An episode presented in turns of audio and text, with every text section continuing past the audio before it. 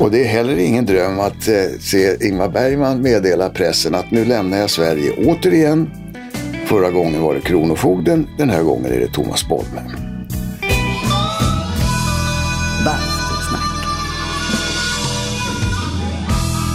Hej och välkomna till avsnitt 35 av Bastusnack. Podden där jag, David Granditsky, sätter mig i bastun med en kompis och låter snacket gå.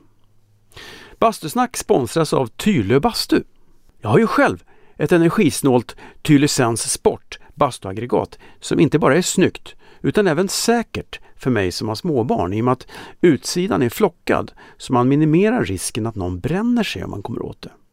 Och sen tar det bara 20 minuter för det att bli varmt, vilket ju gör att man spontanbastar mycket lättare. Gå in på www.tylö.se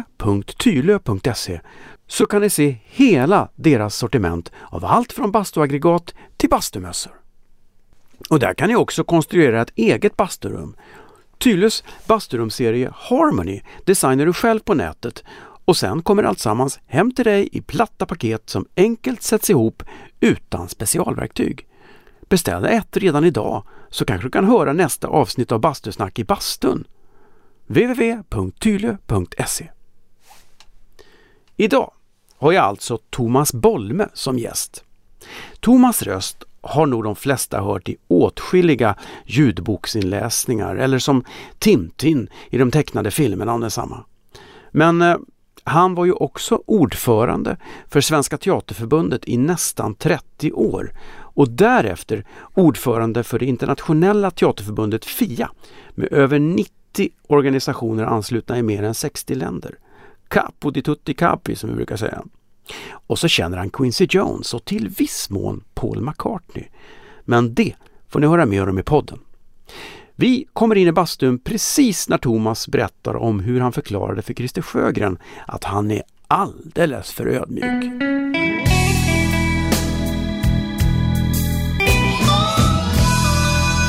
Bastusnack. Nej, Jag, jag snackade med honom och vi var på Allsången eh, på samma program. Ja. Och sen, ja, kom han ner och sen var någon som frågade honom om han tyckte han sjöng bra. Va? Jag sa nej, alltså jag vill aldrig framhäva mig själv som sångare. Vad fan säger det? Han är fantastisk röst. Men det är så, om någon frågar mig vad Ja. jag tycker om mig, Ja. mig själv som skådespelare. Ja. säger jag, jag tycker jag är bra. Hur bra då? Ja, en av de två bästa i Sverige. Och då frågar de andra, vem är den andra? Nej, det säger jag inte. det får var och en tro att det är de. Bastusnack. Jag har glömt att bjuda på fika. Ja, Jag har ju alltid något svårtuggat eftersom vi Ja, pratar ja, i ja. mikrofonen. Och så tänkte jag, vad fan ska jag bjuda dig på? Så tänkte jag, jag hittar inga... Jag, jag, jag tänkte så här, folk har ju kallat det för bollen, så då tänkte jag att Delicatobollar kan, det vara, kan ju vara något. Och är det så att man inte vill smaska på en Delicatoboll så har jag också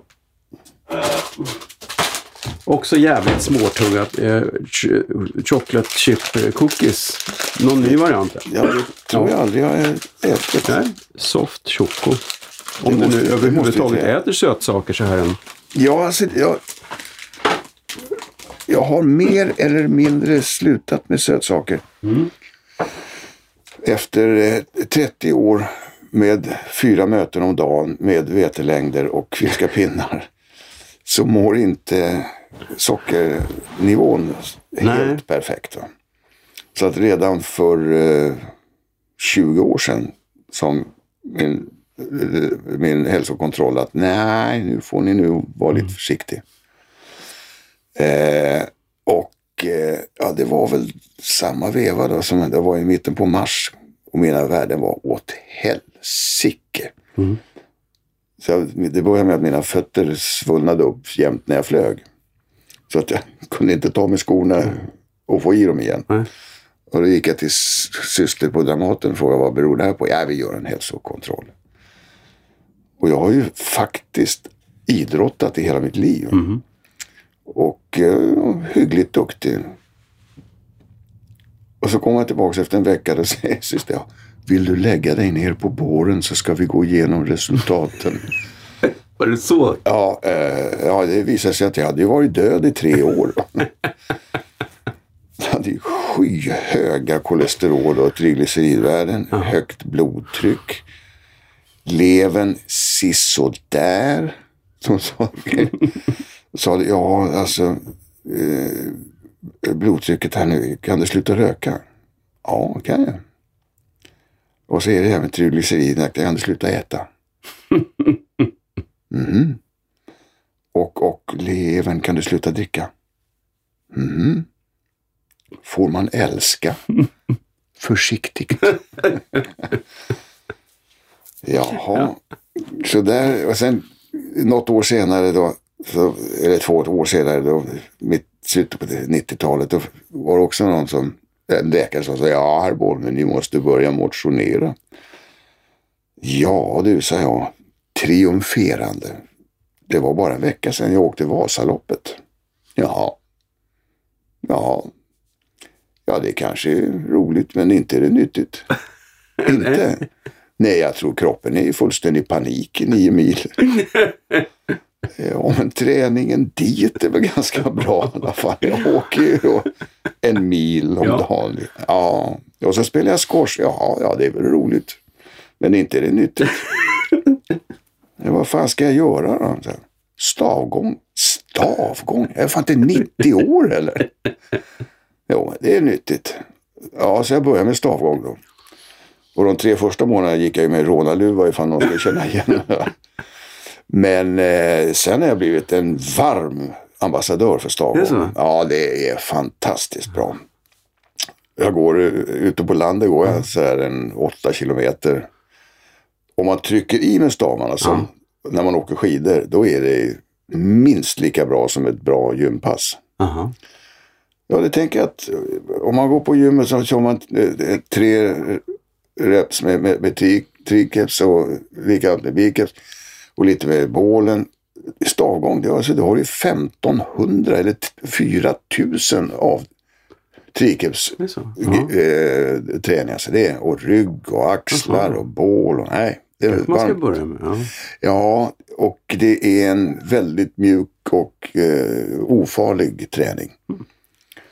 Så det... Hur länge behöver man gå varje gång för att det ska löna sig? Ja, alltså jag går, jag går en, en timme och en kvart. Mm. Och det, det säger väl alla. Går man en timme om dagen Mm. och inte drar benen efter sig. Sen är det ingen mening med att ha stavar som man släpar efter sig. Nej. Utan man måste sätta i dem. Ja. Och det är, lysande. Har du tagit av rånarluvan nu då? Ja, för katten. Ja då. Till och med på överkroppen. Ja, så. När det är varmt. Jag får, jag kommer att tänka på, apropå det, du nämnde squash. Jag kommer aldrig glömma det. Jag tror det var squash. Eller var badminton. Det var någon som var dum nog att utmana dig på turné. ja, ja, det var squash. Det var squash. Ja. Som inte kände till din bakgrund. Nej. Eh. Alltså det, det här, den här historien kan jag egentligen inte berätta officiellt. Men, Du kan ju censurera den. ja, jag kan censurera det, men, men det var en framgångsrik författare som utmanade mig på squash. Eller frågade helt enkelt att du, du spelar squash? Ja, så. Är du bra? Ja, jag tävlar i alla fall så att jag är rätt bra. Vill du spela med mig? Ja, visst. Och så spelade vi. Och så flera, flera år senare så satt vi och pratade, den, den berömde författaren och jag då, och sa han att vet du om att du är den som har förolämpat mig grövst av alla människor? Och jag tänkte, det är inte riktigt likt mig va.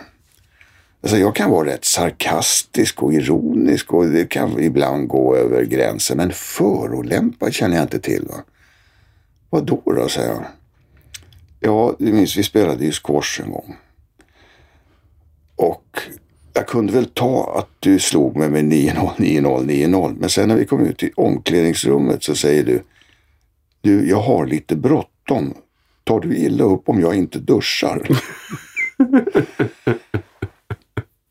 Och när jag tänker efter så det kan ju inte jag ha sagt utan att det var menat som en jädra knäpp på näsan. Han var ju blöt som han precis kom ut ur badet.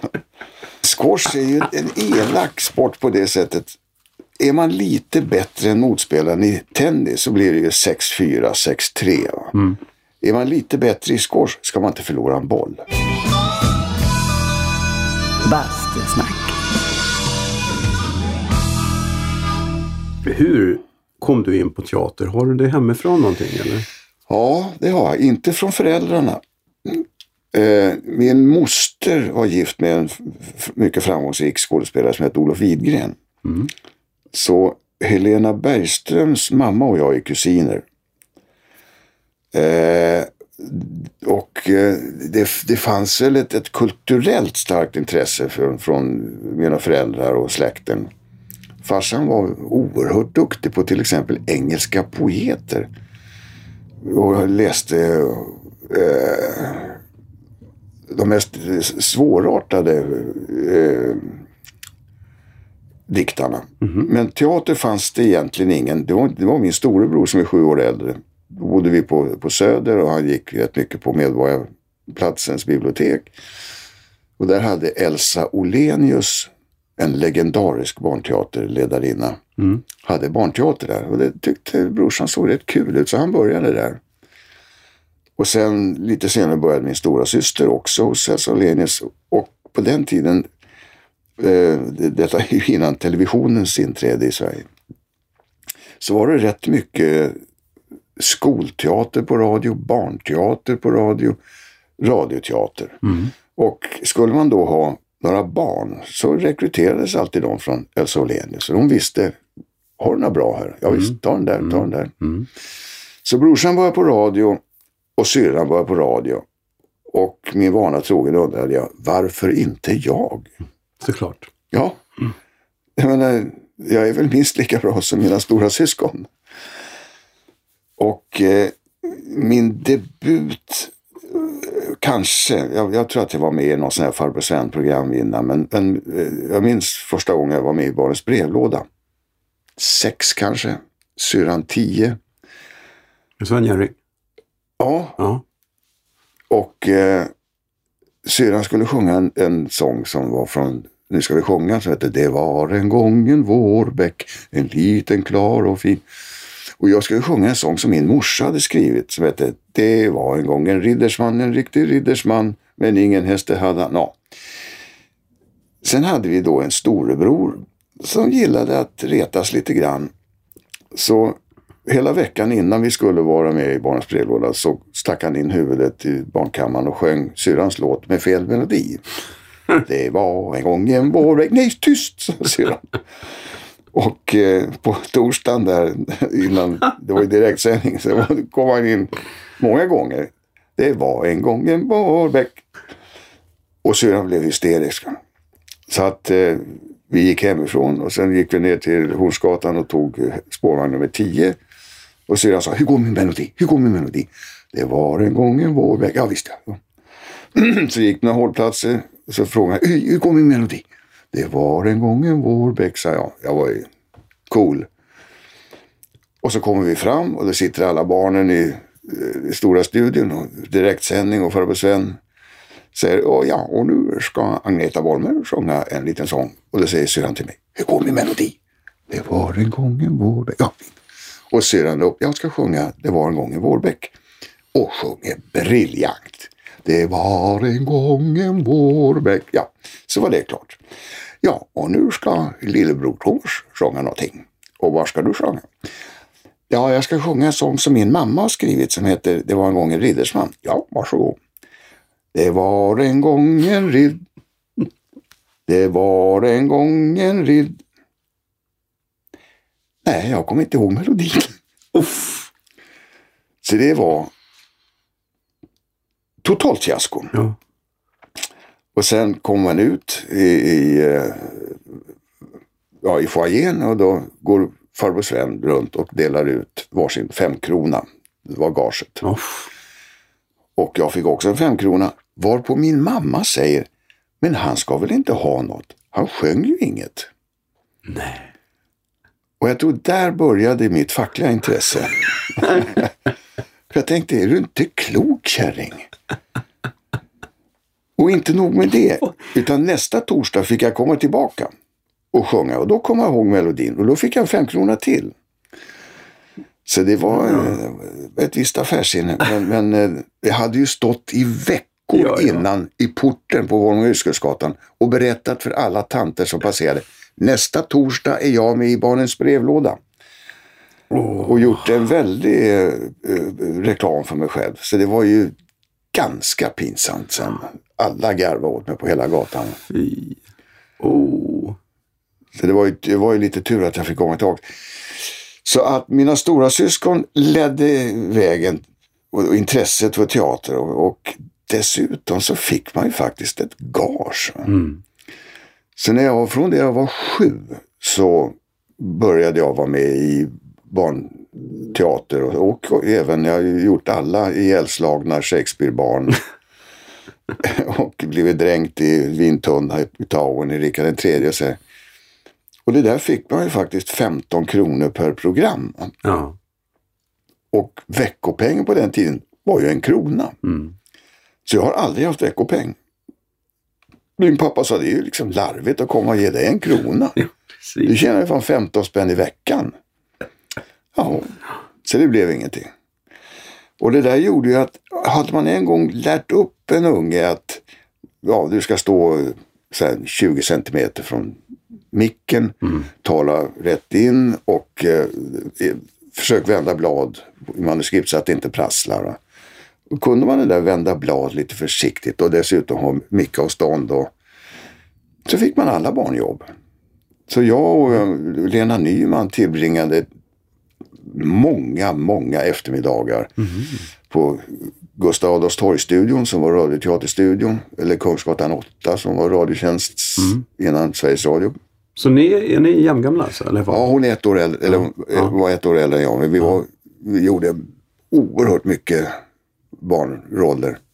Mm, det visste inte jag. Kul. Ja. Så att eh, jag tror att innan jag tog studenten hade jag gjort kanske tusen radioprogram. Oh shit. Ja. Rutinerat. Ja. Men sen var det många andra, Sven Almgren och Leffe Nilsson och, som gjorde då, de fick film, de rackarna. Mm. Så de gjorde ju Mäster, Mästerdetektiven Blomkvist. Jag tänkte, varför får inte jag någon filmjobb? Och de vet, det är Villevall i Söderhav, de åkte till Tahiti och, eller, och, och, och spelade in. Och jag tänkte, vad fan. Sven Almgren gjorde en film i Kongo. Jag tänkte, oj, oj, oj. De vet inte vad de går miste om. Men så att, eh, sen kom tv. eh, Det här med radio var ju intressant. Jag, fick, jag träffade ju alla skådespelare. Och eh, det var alldeles uppenbart att skådes, skådespelaryrket verkar vara väldigt kul. För alla var ständigt på gott humör. Och skrattade och skämtade. Jag tänkte skådespelare är alltid på gott humör. ja. Då hade du inte riktigt träffat alla va? Nej, och dessutom så fattade jag ju aldrig att de som fick jobb på Radioteatern, det var ju ett extra knäck va, som innebar att de kunde köpa lite finare kött på den lördagen. Just det. Därför var det ju nödvändigt att vara väldigt eh, social på de här inspelningarna. Så småningom när jag började på teatern insåg jag, nej men skådespelare är inte alltid på gott humör. Men jag gjorde väldigt mycket radio, men jag blev aldrig känd. Ingen blir känd från radio. Nej. Ja, så kom tvn. va. Och då fick jag vara med. Va? Jag gjorde rätt mycket eh, barnteaterföreställningar. Och... Men det var ingen som hade tv. Så jag blev inte känd då heller. Hopplöst! Ja, alltså det var en per stadsdel. Va? Alla ungar samlades på onsdagar. Men sen fick jag min första eh, filmroll. Jag spelade lillebror i Mälarpirater. Som ju inte var någon större framgång. Och när jag var 15 och 16 så gjorde jag ju en, en, en långfilm med Arne Suckstorp som heter Pojken i trädet. Och då blev jag känd. Precis, det var då det small till. Ja, då small det till. Och då kom jag ju på alla så här veckotidningsomslag. Mm. Ja, Bildjournalen och Fickjournalen och allt vad det hette. Och jag tror att jag tyckte inte det var så märkvärdigt. Då. För jag hade ju hållit på i tio år nästan. Du gjorde ju bara det du brukade göra. Ja. Ja. Eh, och skådespelare, jag vet väl vad skådespelare är. Det där går väl upp och ner. Jag menar, året innan mig var det Tage Severin som var på alla omslag och sen var han borta. Så du visste att Ja visst, det här här kommer att ta inte så slut? länge. Ja, visst. Nej. Men, men Pojken i trädet var en stor vändpunkt som gjorde att nej men det här kanske man ska satsa på. Bastusnack. Men det finns, ju, det finns ju en rolig bihistoria till Pojken i trädet också. Det är ju det är du som såg till att det blev så bra musik som det blev. Kan man väl säga. Ja, det, det kan man faktiskt säga. Eh, äras den som äras bör. Vi hade ju, det var en kille som bodde i eh, grannbyn där eh, Sockstoff hade sin herrgård. Rämningstorp. Och några kilometer bort bodde en kille som var väl kanske 17 år som var kolossalt filmintresserad. Lite blyg och tystlåten. Och han hörde att Soxa skulle spela in och sa kan inte jag få vara med på inspelningen? Jag gör precis vad som helst. Eh, och jag behöver inte något betalt. Så han var väl springchas kan man säga och gjorde allt. Och han hette Stefan Jarl. Ja. Och, eh, och han och jag satt i stora salen en eftermiddag, en sommar. Och läste tidningen och det säger Stefan Jarl, titta, Quincy Jones storband i Skövde Folkets Park på onsdag. Och just då passerade Arne Sagstorff och sa, är han bra? Ja, sa Stefan, han är ju men han är 27 år och har eget storband så att det... Ska ni gå och titta? Och Stefan sa, jag går ju. Då hängde jag på och sa, ja, jag ska också gå. Eh, ja, men eh, sök tag i honom eh, efter föreställningen och be honom följa med ut och eh, ska vi be honom göra filmmusiken. Och jag menar, är man 15 år så har man inga hämningar. Så att eh, efter showen så gick vi backstage och det var jag och eh, jag tror att Suxtorps sekreterare och dotter var med också, Agneta. Så det var Agneta och jag som förde talan. Och då var jag ganska kaxig och sa att yes, we want to talk to Quincy Jones. Jaha, och så kom han då och sa yes, it's uh, like this. Uh, we are shooting a movie here and uh, I'm playing the main part and uh, the director wants you to join us and he wants you to make the film music. Och han tittar ju lite på den här 15-åringen. Va? Och då sa jag, it's, it's, it's, um, uh, it's for real. You can look here. I have just uh, bought two bottles of champagne. Bra. ja, ja, båt och båt. Vi hade varit uppe på hotell Billingen och så också sa se till att du får med dig några flaskor champagne. Så Quincy Jones hängde med ut lite konfunderad men tänkte att fan, det kan vi se vad det är. Och där började en, en rätt kul diskussion mellan Sökstoff och Quincy Jones. Eh, som är lite rolig med tanke på hur det sen gick. Ja. För jag, jag hör, dels så sa han att jag måste läsa manus. Ja, ett ögonblick. Så ringer Sökstoff till Lars Forssell. Och säger jag skickar upp ett manus till dig. Kan du översätta det på några dagar? ja, visst, sa Lars Forssell och gjorde det. Och sen skickade han manuset till Quincy. Men eh, så hör jag den unge eh, orkesterledare säga But on, I've never done any film music. I don't even know how to count frames. Det säger Sögstorff. You do the music, I count the frames. Det är bra. Ja, det, det är topp. Och sen eh, så gjorde han ju musiken och, och, och vi, ja, ja, Sögstorff sa ta hand om honom nu, ta hand om honom. Se till att han mår bra. Busa. Och då var ju klockan ett, halv två sådär va. Och eh, ja, vi, vi, vi tar inga bilder med dig Yvonne. Håll igång. Okej. Så vi, och vi ner och körde, ja, startade, han hade en racerbåt där ut och körde racerbåt och sen in. Nu ska vi köra jeep. Va? Ja, och nu ska vi, kan du rida? Ja, på med sadlarna, nu ska vi ut och rida. Åh fan. Ja, och sen ner i, ner i ja nu ska vi bada bastu. Har du badat bastu? Nej, jag har aldrig badat bastu. Nej, det är kul, det ska vi bada bastu. Och sen vid femtiden på morgonen så säger Quincy så här, well, if you ever come to the United States I gonna drag you around kid. Och sen eh, hängde jag på, jag tyckte det var väldigt spännande. Så jag hängde på när de gjorde inspelningarna där på den studio på Karlbergsvägen. Och träffade ju fantastiska musiker. Mm. Alltså. Och det där är lustigt med, med jänkar att har man på något sätt gjort någon tjänst någon gång så glömmer de en inte. Va? Nej.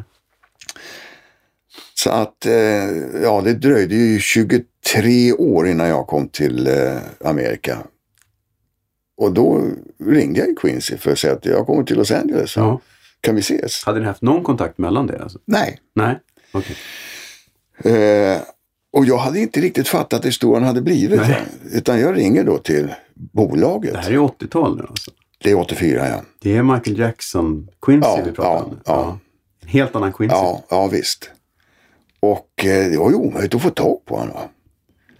Och till slut insåg jag att det, ska, det går inte att ha den här svenska stilen. Va? Då kommer man aldrig fram. Nej. Så eh, ringde jag för sjätte gången och, och frågade efter Quincy. Och sa att jag ringer från Sverige. Ja. Well, he's not in his room. Find him, sa jag. Och då gick det, ja vi ska se. Ring John Bitti klockan nio. Ja, så ringde jag. Hello. Ja, this is Thomas Bolme från Sweden. Uh, This is Queens man. Och, uh, hoppsan, hoppsan, hoppsan. Och så sa jag, ja vad fan, jag var kul, jag, jag kommer till Los Angeles. Och det här var väl i maj någon gång. Ja, när kommer du då? Ja, första veckan i juli. Ja, då vet jag inte vad jag gör, men ring när du kommer. Jag får du privatnumret. Och så ringer jag på söndag när vi kommer till Los Angeles och kan säga att ja, nej, den här veckan, måndag, eh, det var ju fyra grabbar som, som vann eh, Grammy och jag måste åka till Memphis och spela in med dem på måndag. Och tisdag gör jag en video med Frank Sinatra. Mm. Det vore ju kul att få vara med. Men man vill ju inte vara bonläpp. Va? Så Nej, man nej. säger, ja, ja, alltså en Frank Sinatra, okej. Onsdag, ja onsdag är ledig. Kan du komma hem på onsdag? Mm.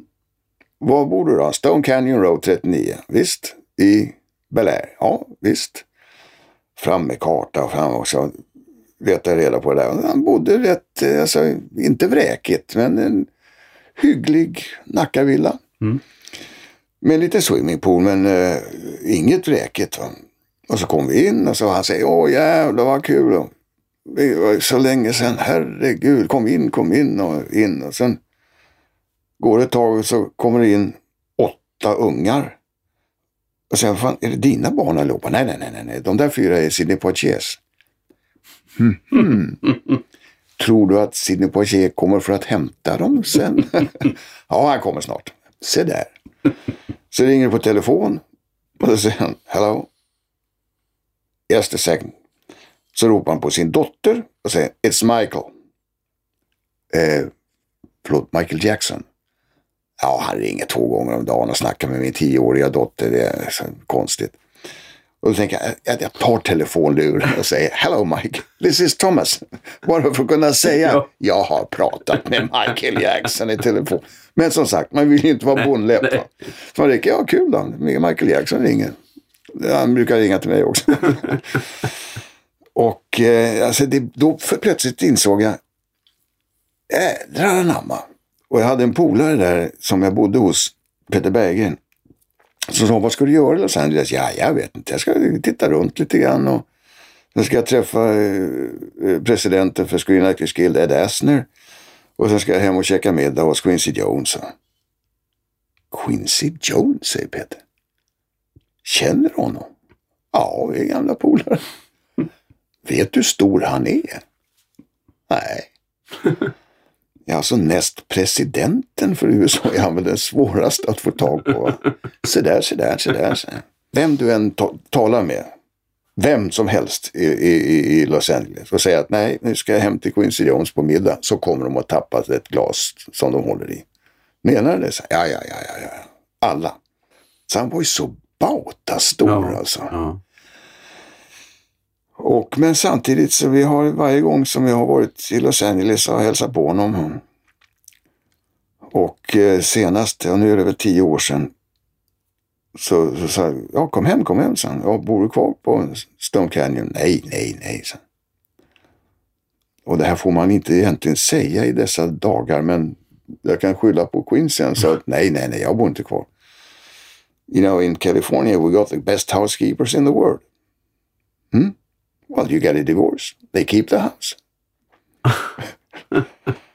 Jaha, ja. Okej. Men eh, så sa vi, ja, var, bor du nu då? Ja, på Bel Air Gate.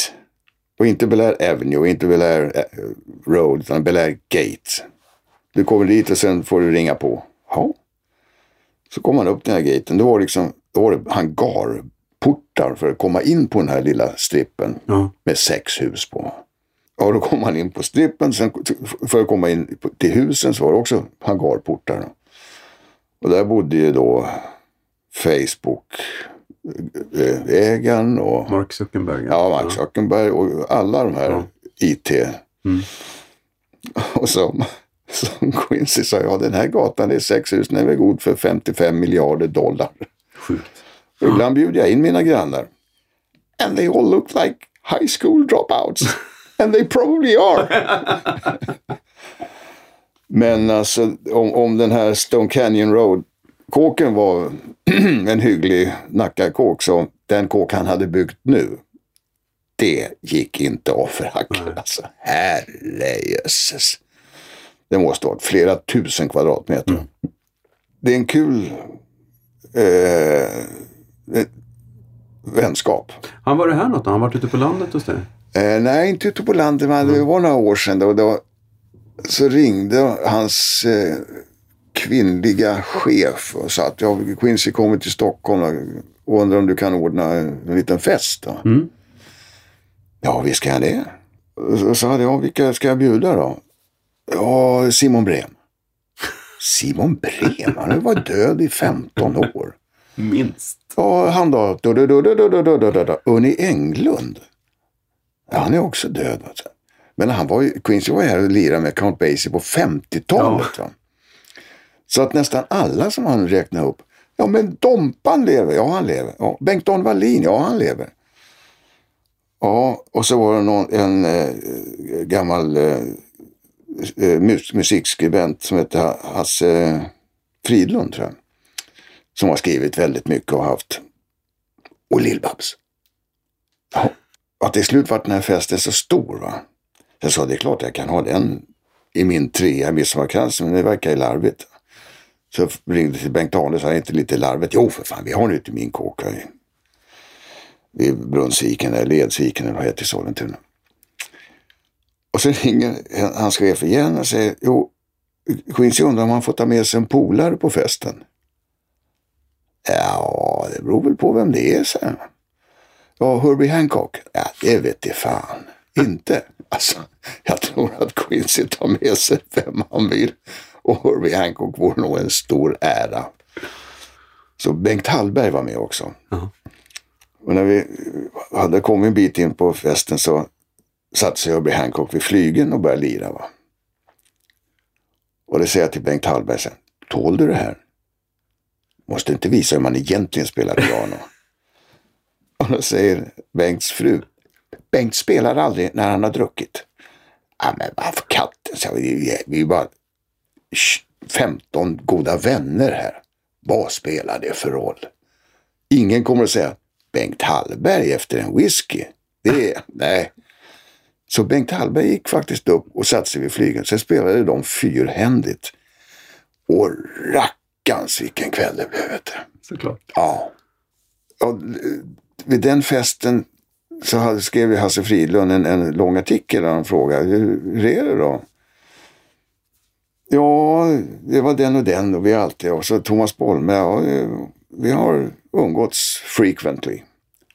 Ja, frequently, vart 23 år. Ja. Bastusnack. Eh, Du nämnde Screen Actors Guild. Ja, I, I USA är ju facken lite betraktade mer som någon sorts maffia jämfört med hur de är betraktade i Sverige. Man, om man ska Mm. förhålla sig grovt.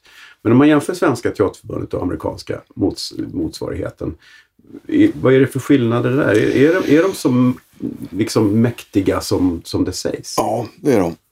Det eh, beror ju fram, framförallt... Det, jag, jag frågade till exempel, jag har väldigt goda vänner uppe i, som har, i ledningen där.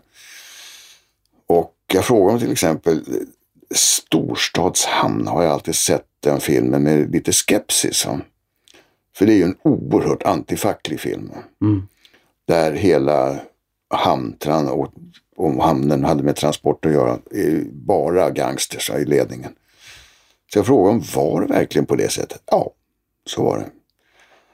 Och Jimmy Hoffa som då var transportordförande.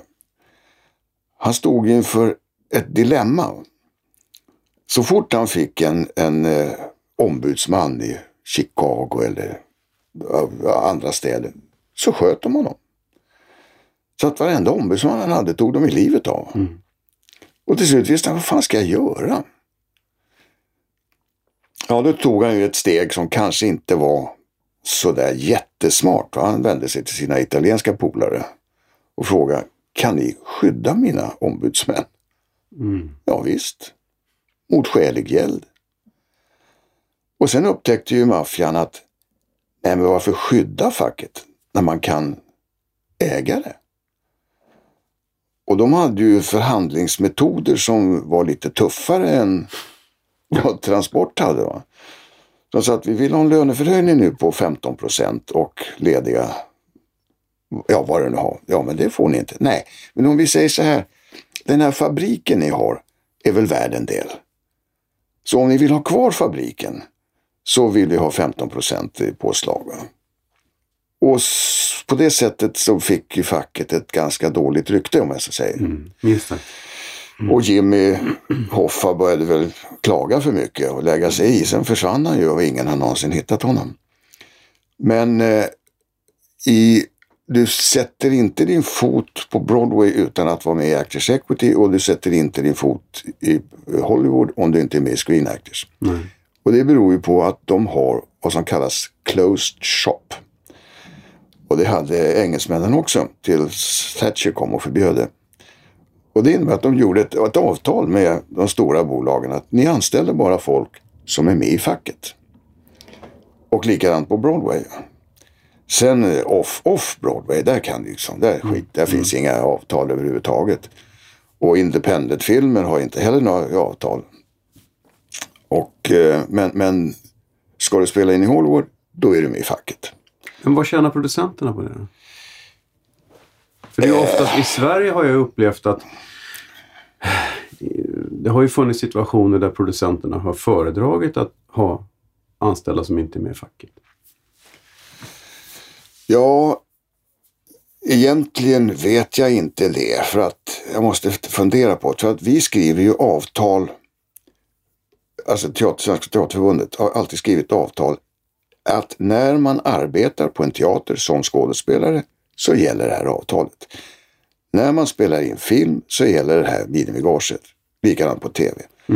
Så det spelar ingen roll om du är med i facket eller inte. Du går efter vårt avtal. Om du inte har ett eget, en egen firma, för då gäller inte våra avtal alls. Då, då får man göra upp sina gager själva.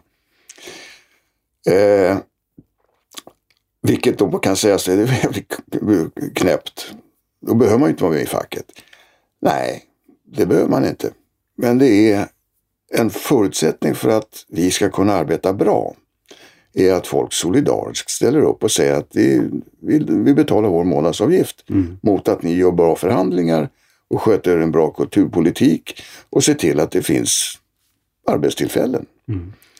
Och eh, sjukvård och eh, arbetsmiljö och allt möjligt. Som vi, det, det är hundra olika områden som ett, ett fack som Teaterförbundet måste kunna. Och då hoppas vi på att, nej men var ni solidariska. Om alla hjälper till och pröjsar in en månadsavgift så kan vi sköta ett bra jobb. Det där med closure, jag har aldrig gillat det riktigt. Va? Jag menar, man ska inte tvinga folk att vara med i facket. Folk ska vilja vara med. Och där har vi ju haft, vi har ju haft nästan full uppslutning. Va? Det har blivit en slags yrkestillhörighet att vara med i Teaterförbundet. Men är det så fortfarande då? Jag tycker det är... Nej, det har kommit en ny generation. Ja. Och det är ju mycket med, alla frilansare har ju just eget bolag för att det är ju så bekvämt för Ja. då slipper arbetsgivarna hålla på med att ha koll på sociala avgifter Ja. och semesterersättning och grejer. För du fakturerar och sen så behöver de inte bry sig. Och nu uttalar jag mig, trots att jag inte har varit involverad på de senaste tio år, men eh, de här nya små produktionsbolagen, Mm. där har vi, tror jag, fortfarande väldigt dålig organisationssiffra. För där är, ja det kanske jag är både fördomsfull och generell, men ungdomar tycker att det är så in i Helgoland kul att få jobb på ett produktionsbolag. va. Så att arbetstider, det struntar vi i. Va? Lediga söndagar, det struntar vi i. Va? Och minimilönen, nej, bara få vara med. Va? Och det är ett dilemma. Där de, de måste nås och eh, jag, jag har varit med på, på, på eh, inspelningar där speciellt unga, kostym, mask utnyttjas helt utanför avtalet. Va? Men det är ju väldigt mycket praktikanter. Har praktikanter och de jobbar. De, de, alltså de, när vi är klara med inspelningen då ska de göra rent och tvätta alla kläder och är färdiga vid halv ett på natten. Sen ska de upp och börja halv sex och ställa i ordning och stryka. Så de får ingen sömn. Och, och, och jag frågar dem, men ni har väl övertid för det här? Övertid? Nej. Ja, då talade jag med producenten och sa så här får ni inte göra. De jobbar ju fast 18 timmar om dygnet. Och enligt avtal måste ni betala övertid för det här. Och det har väl, så där har jag gjort rätt mycket och det har gjort att, att det enda inverkan på min, min karriär som mitt fackliga engagemang har gjort, det är ju på film. Där man ju går in och, och bråkar med folks privata plånböcker. Teatrarna, det är ju staten och kommun och landstings plånböcker, Sveriges Television och det är också, men film. Där går man ju in och, och hackar på, på, på klart synliga pengar. Så det har de inte gillat. Då. Men det gör man ju på privatteatrarna också. Ja, privatteatrarna är, ja, det är också känsligare och privatteatrarna har ju betydligt enklare eh, avtal. Men jag tycker ju de har ju shapat upp sig jämfört. Jag kommer ihåg i början på 90-talet så var det ju vid några tillfällen där det var snudd på att man stängde ner någon föreställning för att det var så dåliga eh, att, att situationen var så dålig. Men, men nu känns det ju sällan som att man hör om att, att folk snackar om att det utnyttjas på samma sätt. Det känns som att det har blivit bättre privatsvängen kanske. Jag tror inte gagerna har ökat speciellt. Inte. Det är, eh, åtminstone inte för mig. Nej, men jag menar det rena utnyttjandet. Alltså just det här att man, man utnyttjar folk eh, och, och, och får dem. Och jag, jag hade en, en gäst här förra veckan som berättade om när de var med i, i Sound of Music så var de tvungna för att komma upp, några av dem för att komma upp till en, en okej minimilön var de tvungna att sälja program också. Och det tror jag inte förekommer nu. Nej, det tror jag inte. Men till exempel, vi har ju det ett avtal vad gäller anställning på, på, på, på statliga och kommunala teatrar. Medan privatteatern har ett speciellt avtal. De kan till exempel de kan säga, lägga ner en föreställning med en månads varsel. Och det kan man inte på, på Stadsteatern. Eller.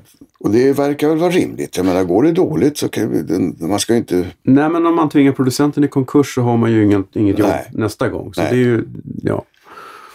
Det är ju fair på sätt och Ja, vis. så att där vet man. Och det, där har ju situationen ändrats från det jag började. Jag menar, jag var till exempel med i My Fair Lady i slutet av 90-talet och då meddelades det att eh, sista februari tror jag att ja, vi samlar alla nu för att tala om att vi kör bara mars. Mm. Jaha, sa alla. Och gick in på sina loger och började knacka ner på datorerna. Och, vad fan gör ni? så? Nej, vi måste ju tala om för alla att vi är lediga från första april. Och... Så ni marknadsför er aktivt? Ja, ja, ja, ja, ja, ja, ja. Det gör alla. Och kära någon, det har jag aldrig gjort, så. Nej. det, Jag vet inte vad det är. Nej, nej det var liksom... att ett liv efter, eh, efter den här uppsättningen är inte säkert. Va? Nej. Oj då.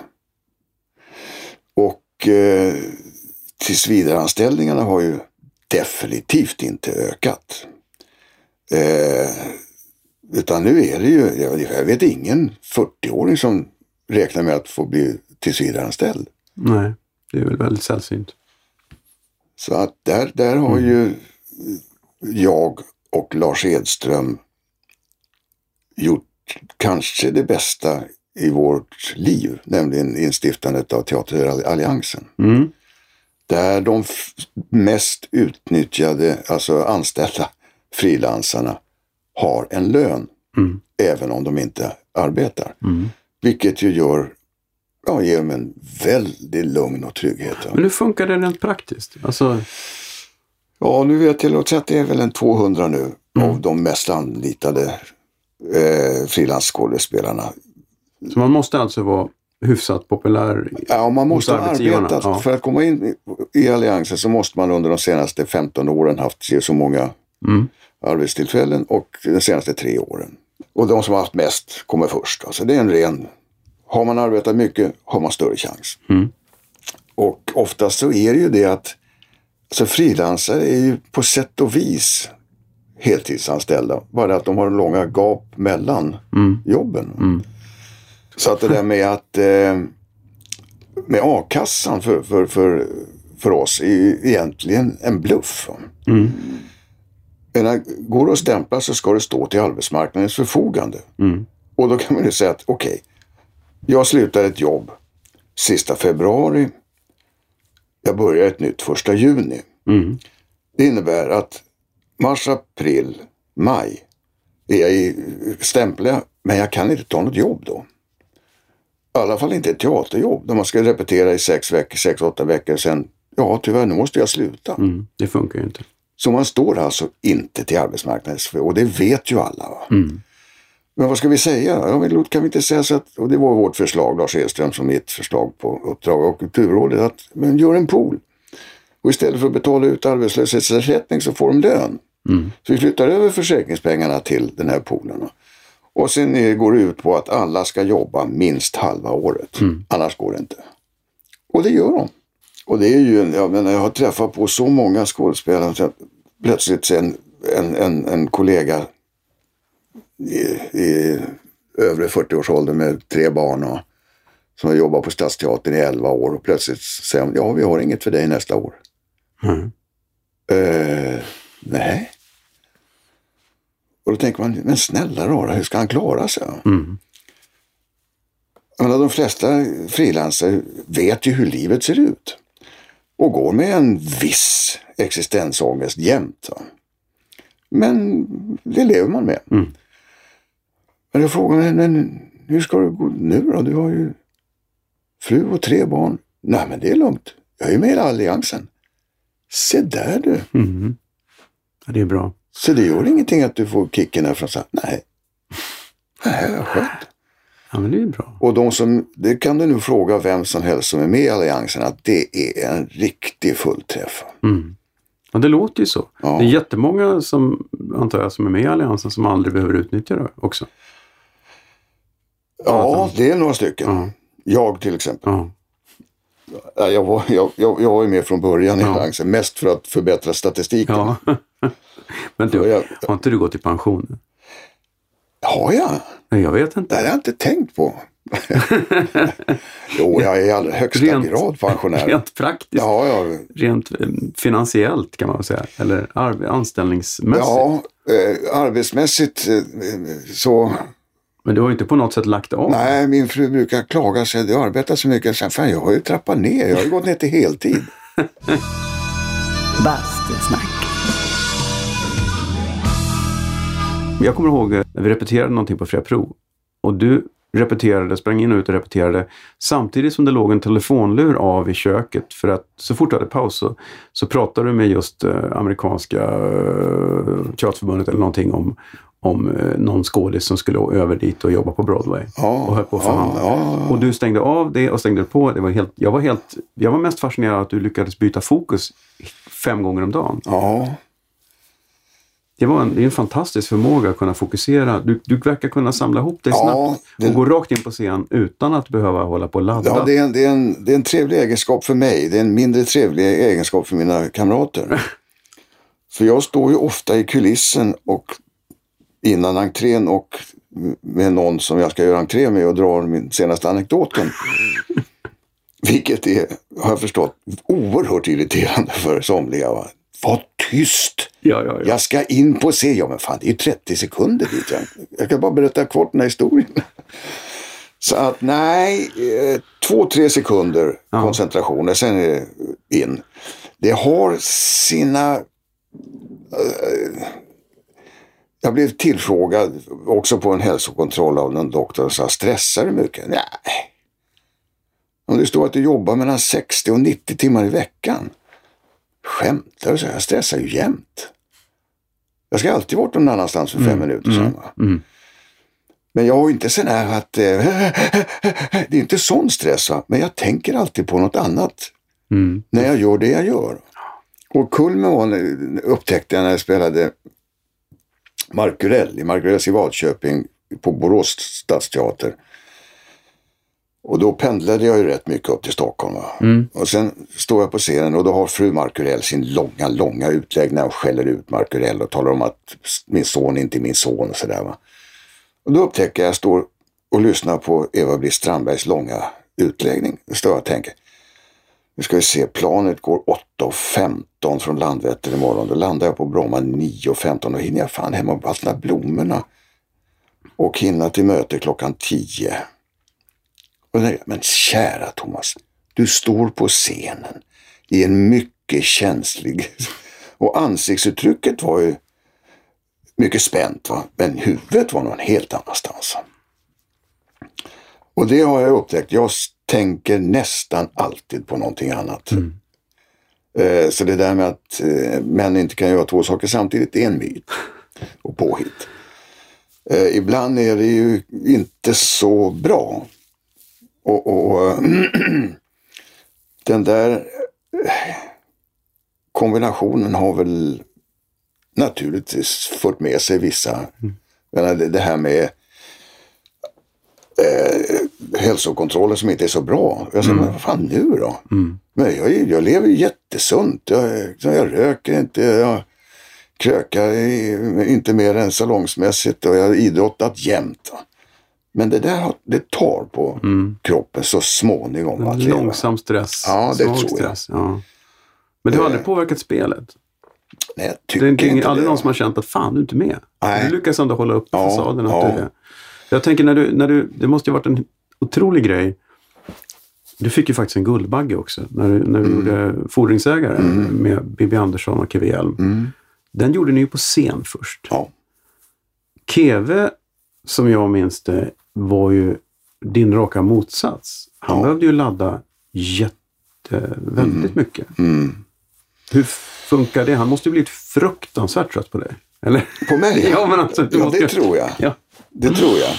Alltså det, är- jo då. Jag, jag, jag jobbade ju med eh, Ernst-Hugo Järegård och Jan-Olof Strandberg mitten på 90-talet. tror jag. Eh, Reser med moster Augusta. En fantastiskt trevlig föreställning och en av höjderna i min karriär. Och eh, så frågade Järegård någon, mig någon gång. Jag måste fråga, så Blir du aldrig arg? Jo, för fan, så det händer. Hur ofta då? Ja, vart femte år. Vart femte år? Jag får ett hysteriskt utbrott tre gånger om dagen. Vad fan säger sig På vad då? Ja, det kan vara brevbäraren som smäller för hårt i... Eller grannen som klipper gräsmattan. Ja, men om du blir arg så här ofta. Är det någon som tar det på allvar då? Ingen och eh, det var likadant att jag, att jag också var lite, alltså Ernst-Hugo var inte irriterad, men han var lite förundrad. va? Och, och sen hade han fått för sig att jag var kolossalt stark. Eh, alltså inte muskelstark, men jag hade en, en, en kondition som var för det hade nog många sagt att den här jäveln, han kan ju sitta uppe till fyra på morgonen. Eh, Och, och, och sen sticker han klockan sju till något jävla flygplan. Och det kan nog tänkas att jag hade, jag hade haft bra kondis och bra... Mm. Eh, men jag sa nej, nej, så det, det tror jag inte. Jag sa alla andra, jag behöver mina sju timmars sömn. Vilket inte är sant. Och Keve var också, han irriterade sig på att, att jag kunde skämta. Han, han var en, den kunde man, Keve kunde man inte dra någon anekdot för innan entrén. Nej, nej, nej, nej, nej. Han började bli sur och förbannad en halvtimme innan vi skulle in. Va? Och, och liksom pumpa upp sig. Va? Och vi, vi satt ju bredvid varandra i sminket och så sa han Vad i helvete är mina handskar? Ja, de ligger ju där. Ja, ja, ja. Men vad i helvete? Ja, och så, ja, men det är så Han liksom medvetet Ja, ja. blev arg. Va? Och sen eh, var det en sak till som han irriterade sig på. Att jag, om det är någonting som jag är rätt bra på så är det faktiskt att hålla tal. Det kan jag hålla med om. Ja. Lysande tal. Ja. Och det, är så här, ah, det är bara dåliga skådespelare som kan hålla bra tal.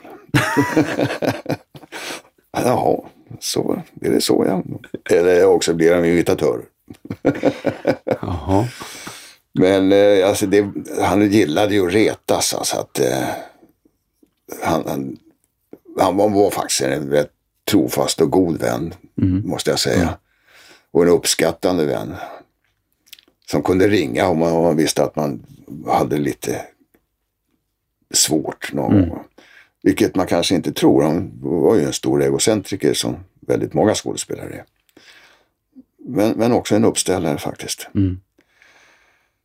Och o, otroligt krävande. va. Otroligt krävande. Det var ju, jag brukar säga att det, det, finns, det finns medspelare och det finns motspelare.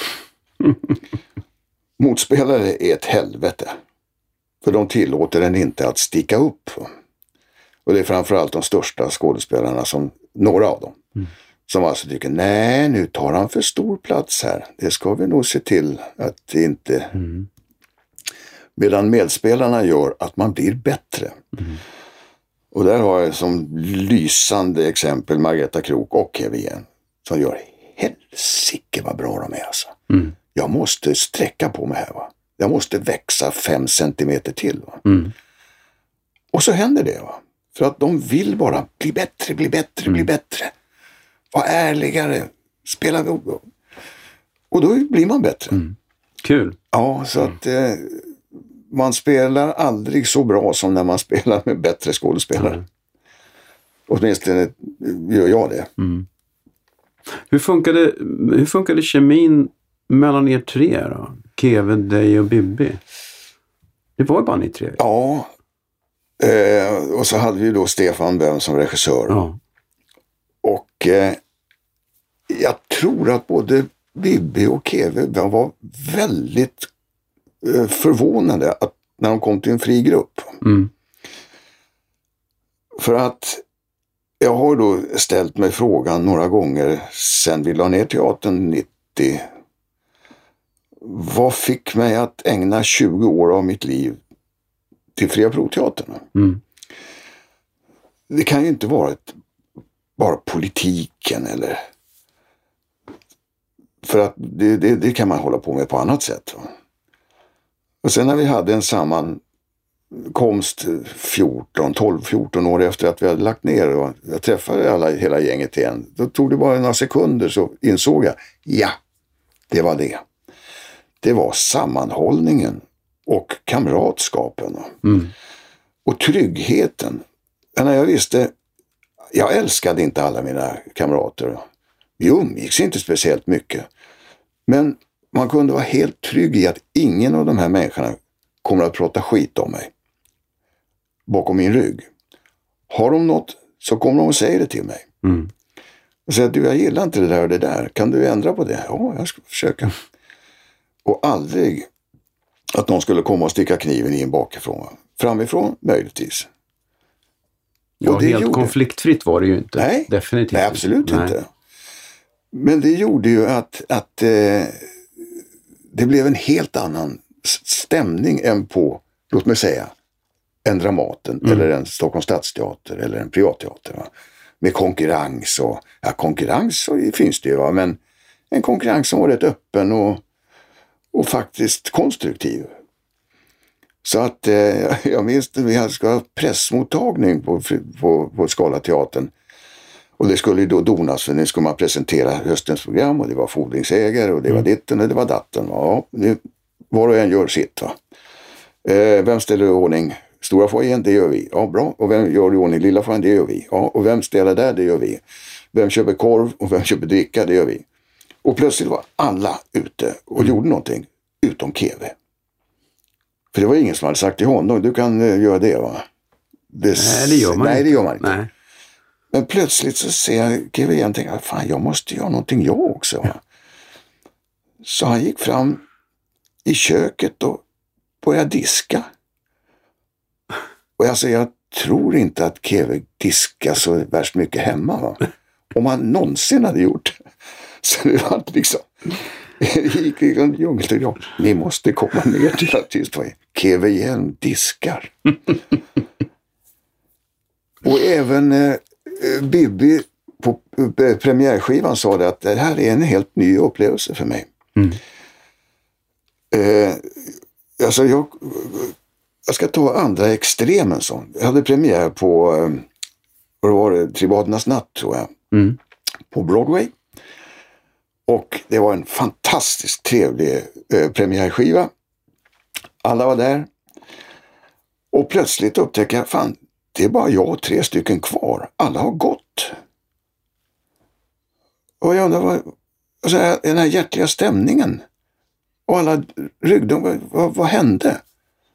Då hade recensionen i New York Times kommit mm. och var nedgörande. Puff, sa det. Alla försvann. Och där stod jag ensam, sa Bibi. Och det känner jag efter den här premiären. Jag skiter i om det här skrivs ner eller inte. För ingen kommer att gå ifrån mig i det här gänget. Mm. Och jag tror även att eh, Keve varit väldigt konsternerad för han, han klagade på dekoren. Han sa det här jävla bordet går inte att använda för det finns ingen klang i det. Nähä? sa då våra utmärkta tekniker eh, Tusse och Igge. Då byter vi ut det. Så kom det ett nytt bord nästa dag. Och, sen, och så där pågick det. Va? Mm. Och, och, han klagade ju för att klaga.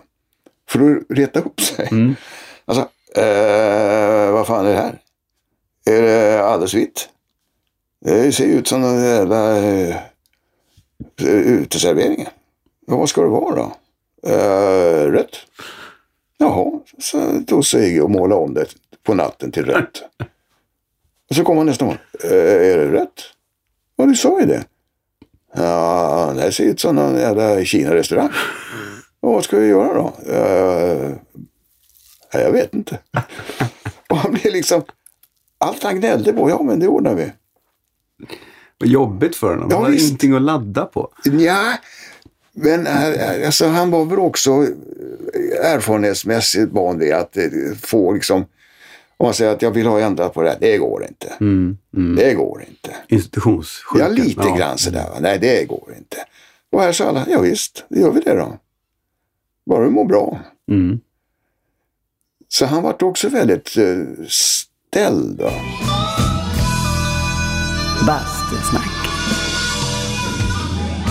Det har hänt mycket. Jag tänkte, jag kommer ihåg vi satt i köket på Scalateatern en gång på 80-talet. Jag vet inte om du var med, men jag minns en väldigt eh, intensiv diskussion runt köksbordet där.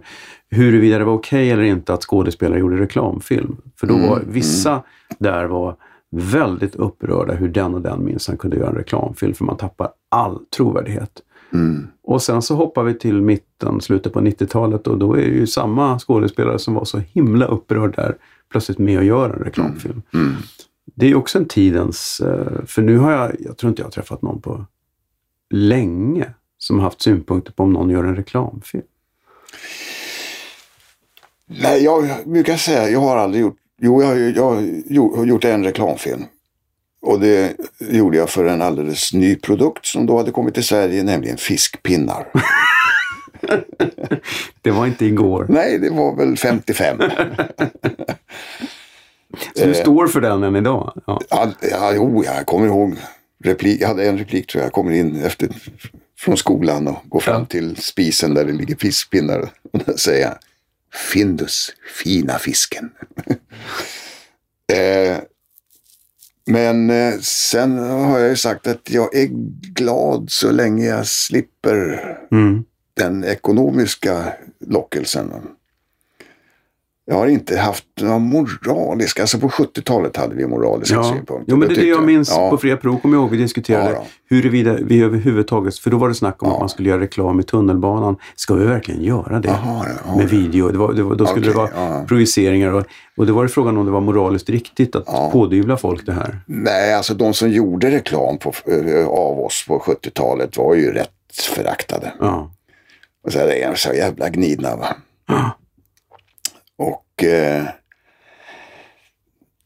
alltså sent som när jag jobbade med Bibi där så sa hon, frågade hon mig, ja, nu är det så att jag har blivit kontaktad av Tyle Bastu. är det sant? Ja. Och om jag gör reklam så monterar de in en bastu i mitt hus. Hoho. Tycker jag ska göra det? Ja, alltså, alltså, är det så att har det knackigt och inte har råd att bygga bastun själv så tycker jag jag ska göra det. Tack ska du ha. Det blev ingen reklam för det. Nej, det blev ingen Nej. reklamfilm. Och, och man, kunde ju, man kunde faktiskt psyka en del genom att tacka för dåliga reklamfilmer. Men sen, jag har aldrig haft några moraliska synpunkter på det eftersom en reklamfilm, eller låt säga tre reklamfilmer, kan ju förändra ekonomin så att den familjen kan ta plötsligt en semester. Ja. Det är ju...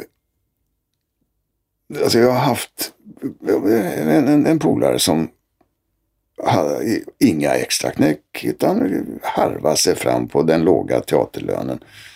Och fick då tre reklamfilmer för och frågade mig vad ska jag ta betalt? Ja, jag, och det här var ju nå- några år sedan. Så vad, vad brukar du ha för, för eh, filmgage? Ja, 5 000. Ja, men ta 15 då. Jag vet faktiskt jag kan inte branschen, säger jag. Men be dem, ge, be dem ge ett förslag först. Och kom inte med eget förslag va. Och så ri- ringde jag sen och frågade, ja, hur gick det då? Ja, de erbjöd 20 om dagen. Jaha, ja men ring inte mig i framtiden och be om råd för jag kan det tydligen inte. Och då fick han ju 60 000 kronor vilket innebar att han tog sin familj och hyrde en stuga i Skagen i två veckor. Mm. Så jag sa, ja, varsågod, gör det. Vad jag nu inte har någonting för övers för, det är kamrater som gör, eh, kollegor som gör reklam för spelbolag. Det kan jag inte svälja. Mm. Nej, det, det förstår jag inte faktiskt. Alltså när man, när man vet vad spel innebär och hur mycket...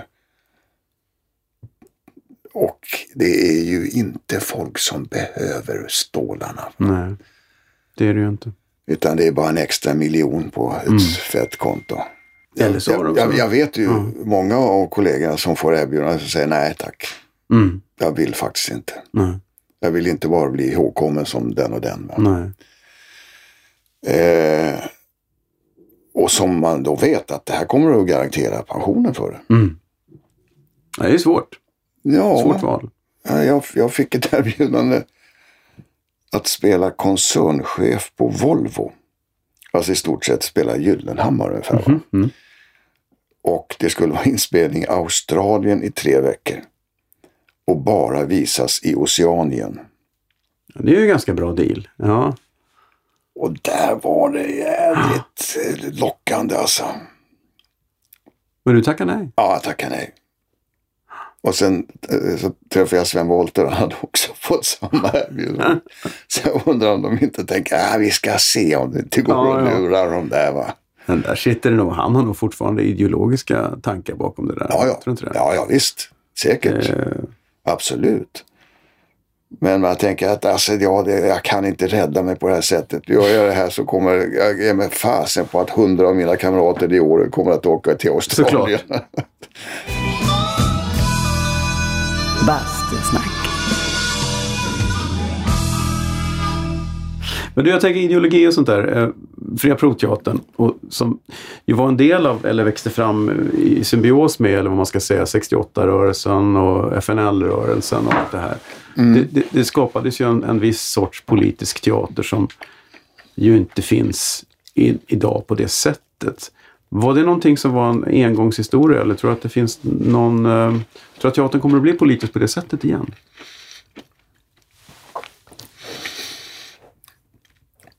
Ja, alltså det är klart att eh, det fanns ju vissa företeelser som drev på ungdomen runt om hela världen. Och jag skulle nog vilja påstå att eh, den antiimperialistiska rörelsen var den starkaste drivkraften. Alltså protesterna mot eh, Vietnamkriget. Mm. Och jag sitter nu och tittar på en serie som heter The Vietnam War. Och man tar sig för huvudet alltså. Hur är detta möjligt? Saker och ting som man inte har, ja som vi, har, vi förutsatte det men trodde att det, det, det är ju värre. Och, och min generation drevs framförallt av antiimperialism. Och Fria Proteatern hade väl på, det var det ena benet. Och det andra benet var faktiskt yttrandefrihet. Mm.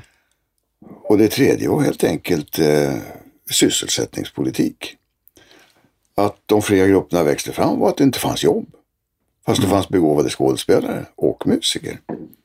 Som då slog sig samman. Det gör vi det själva då. Mm. Och vi valde väl då helt enkelt att se, analysera världen, att eh, vissa utnyttjar andra för sin egen räkning. Vissa blir utnyttjade på andras bekostnad. Mm. Och då valde vi att ställa oss på de utnyttjandes sida. Enkelt.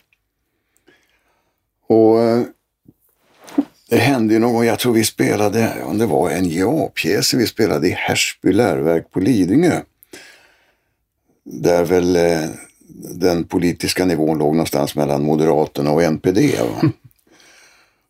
Ja, det var en väldigt egendomlig stämning att spela. och det blev en debatt med eh, gymnasiepojkarna sen efteråt och, och de ställde sig, och då var det någon som ställde frågan, tycker du verkligen att det är rätt av rektorn att bjuda in er?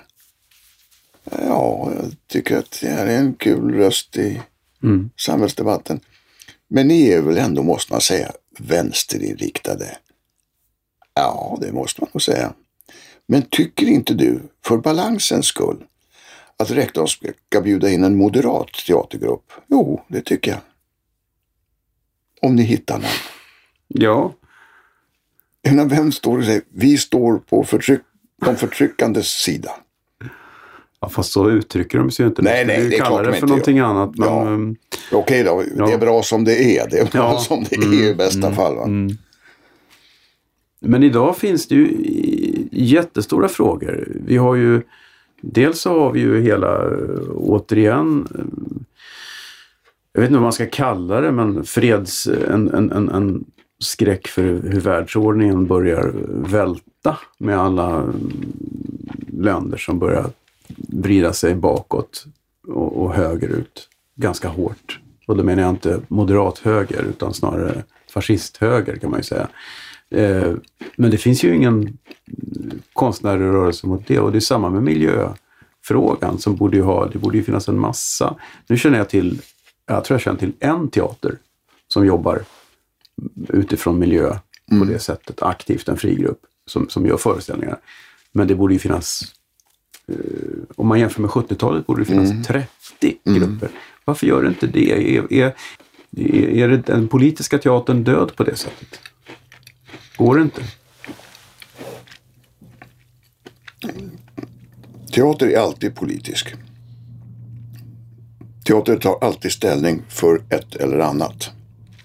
Den kan ta ställning för det är åt helvete som det är. Vi måste ändra. Det kan ta ställning för det är hyggligt som det är. vi behöver inte gnälla. Eller de kan ta ställning för att låt oss göra det ännu jävligare. Så att vad man än, det är ju liksom, det, det, det är vi som har blivit kallad politisk teater. Men all teater är politisk. Om man väljer att spela fjomsteater så vill man att världen ska förbli lite fjomsig. Och jag har ingenting emot att man roar folk. Va? Att folk skrattar. Janne Scherman tycker att buskis är kul. Jag tycker inte det är kul. Men Janne tycker att det är tillräckligt kul för att eh, vallarna ska visas på TV4 varje föreställning. Va? Eh, och jag har aldrig sett dem på plats. Det är möjligt att de är roligare där än de är i TV. Men eh, efter att våran boom så att säga varade 70-talet och 80-talet så togs vår roll väldigt mycket över av ståupparna. De blev de radikala rösterna och kritiska rösterna. Mm. Många av dem. Eh, och kanske att det blev en... Vi hade ju ett rykte om oss att vara tråkiga. Och alltid röda fanor på scenen. Och eh, religiöst klingande eh, gitarrer som bara överröstades eller eh, slogs av Frälsningsarmén. Och det där stötte jag ju på väldigt många gånger. Så att, vad fan ska man gå och titta på er? Det är så jävla tråkigt. Jag brukar säga att alltså, du är välkommen. Och köp din biljett. Och jag lovar, om du inte skrattat en enda gång så ska jag betala biljetten. Så vi var ju tvungna, mm med den utgångspunkt vi hade, nu kommer jag från ämnet kanske, att vara musikaliskt väldigt bra. Mm. Att vara underhållande, att vara roliga, att vara spetsfyndiga och vara alltså, på ett sätt bättre. Mm. Och, och 70-talet och 80-talet så var ju vi ledande skulle jag vilja säga. Alltså Stockholms tillsvidareanställda skådespelare åkte ju ner till Landskrona för att titta på Skånska Teatern. Mm. Hur gör de?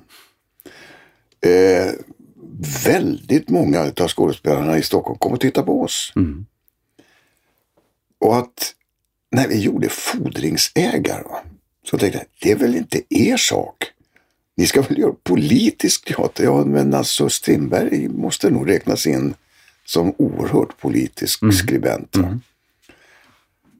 Och, och jag, jag, fick, jag, i den vevan så blev jag intervjuad i, på tv. Och eh, intervjuaren ville nödvändigtvis ha mig att sitta på eh, en soffa på Nybroplan med Dramaten i bakgrunden. Va? Och så kom naturligtvis frågan. Va? Ja, du, vi sitter här framför Dramaten. Ja. Och du lämnade ju Dramaten. Ja. Är det speciellt att spela på Dramaten? Ja, det är det.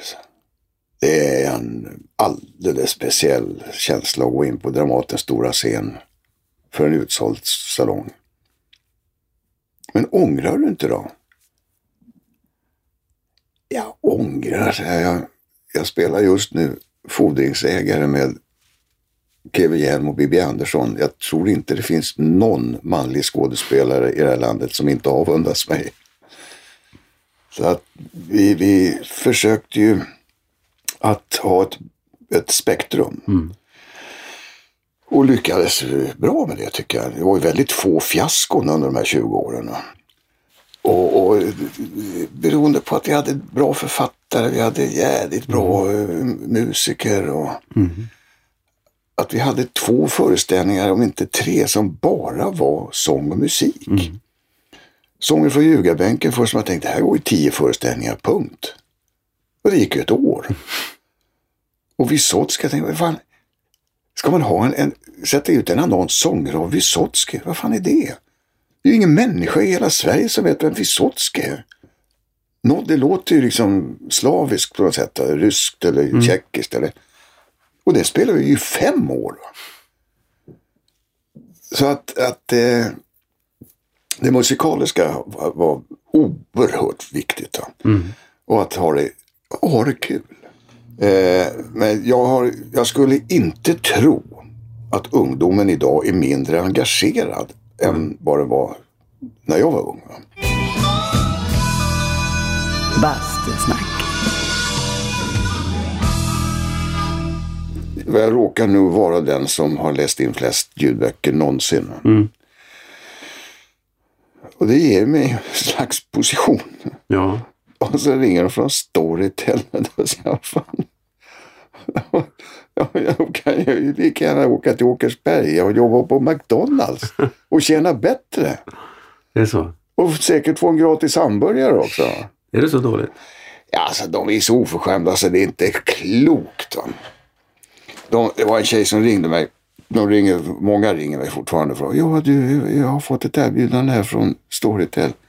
Ja, jag hade en bok på 400 sidor och de erbjuder 4 och 5 på faktura. Ja. Okej. Per dag då eller? Ska man Ja, säga? ja. Men då, då frågade hon i alla fall, vad skulle du säga där? Ja, jag skulle nog be dem fara åt helvete. Ja, jag sa väl ungefär, inte så grovt men.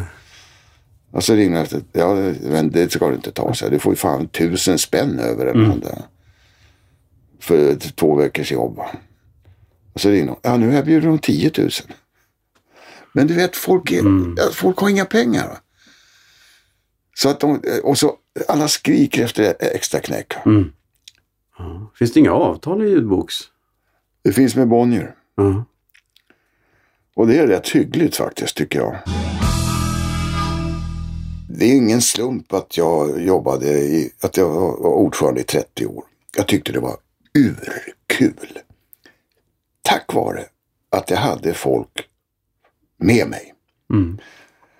Att jobba, att jag sen blev president för den internationella skådespelarfederationen.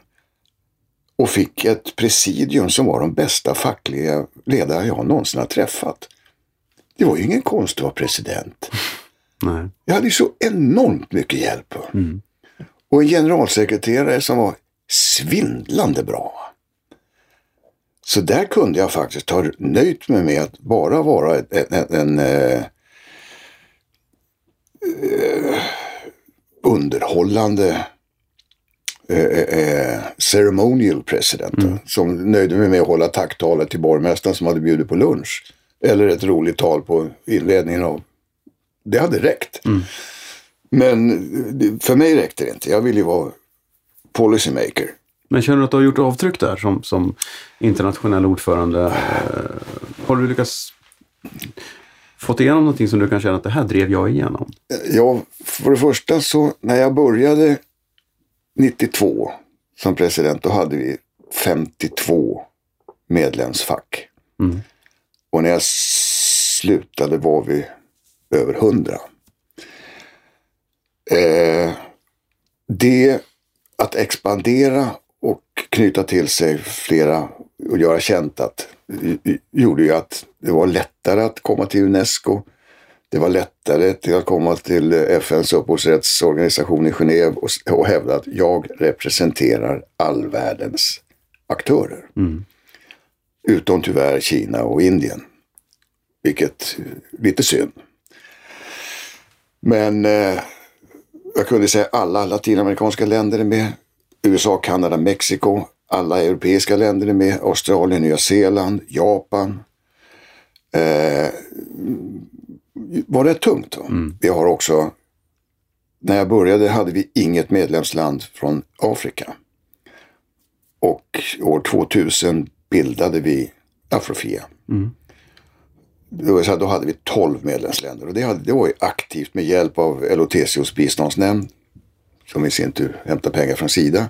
Så kunde jag åka och propagera och agitera, vilket jag tycker är urkul. Ja. och visa på att upphovsrätt till exempel. Ni, ni, ni skriver musik. Ni har utomordentligt bra kompositörer i Mali och Nigeria och allt vad du vill. Men de får inte ett öre av det. För de har ingen organisation att samla ihop pengarna. Utan där sitter de västerländska, engelska, tyska, amerikanska och i viss mån svenska och säger att African trad skriver de. Mm. Ja, ja. Då får de inte en spänn. Inte en spänn. Så det finns ju sig själv. Så det var kul att expandera och eh, agitera och, och liksom säga att införa en, en internetkorrespondens mot all, med alla latinamerikanska lä, länder. Och också att skapa en enighet. För om det är någonting som jag har drivit alla år så är det att vi måste nå konsensus. Vi måste ha en enighet. Ja, det finns inte ett enda beslut under mina år som ordförande som inte är enigt. Utan var det nio, sex eller tio, fem så sa jag mm. nej men då skiter vi vi, går inte, vi driver inte igenom ett majoritetsbeslut här och har fem stycken som är sura eller sex stycken. Men du är rätt bra på att förhandla. Du är rätt bra på att lyckas jämka ihop folk. Va? Jag tror det. Ja. Jag tror att det är en av min, mina talanger. Att, att se var går, vilket är vilket. Vad, vad, vad, vad är det för fel i deras argumentation? Mm. Vad är det som är rätt? Vad är det som är fel där och vad är det som är rätt? Kan vi inte kom, kom, få ihop de här bitarna? Ja. Men vad är det hårdaste om man då går tillbaka till det svenska teaterförbundet? Vad, vad är det tuffaste fighten som du fick ta under alla? Hur många år satt du? Jätte 30. 30 år? Ja, tre år som ja. vice ordförande och 27 som ordförande. Ja. Alltså de, de, de, det, det som jag minns med skräck. Det var när vi eh, någon gång i början på 80-talet va? Eh, gick till förhandling med Sveriges Television och eh, det gick ingenting. Och sen till slut så sa vi, äh, vi går in och konfliktvarnar här. Va? Så vi gick in med första steget i en konflikt. Övertidsblockad och anställningsstopp. Det är liksom ärtbössa. Då svarar de genom att sätta in hot om lockout på teatrarna. Och det är ju en dödsstöt för oss. Jag menar, hur länge håller vi ut en lockout på teatrar? Jag tror inte jag avslöjar några hemligheter om jag säger tre veckor kanske. Mm. Sen är våra kassor tomma. Och när det beslut, beskedet, när de varnar eller hotar med det. Vi sätter in en ärtbössa, de sätter in en atombomb. Ja, vad gör vi nu då? Ja, så det finns ju bara en sak vi kan göra. Det är att stänga filmen. Och den enda inspelning som då höll på och hade kommit halvvägs var Fanny Alexander. Och nog finns det en stark solidaritet i branschen. Men alltså alla blir ju skådespelare för att ha någon gång kanske göra en huvudroll på en film. Mm. Och i allra, allra bästa fall en huvudroll med Ingmar Bergman. Och att åka ut till inspelningsplatsen för Fanny Alexander och tala om ni kan gå hem. För den här är nedlagd. är ingen dröm. Nej. Och det är heller ingen dröm att eh, se Ingmar Bergman meddela pressen att nu lämnar jag Sverige återigen Förra gången var det Kronofogden, den här gången är det Thomas Bolme. Så jag tänkte, ja, ja, vad, vad ska jag göra? Jag måste, jag måste prata med Ingmar Bergman.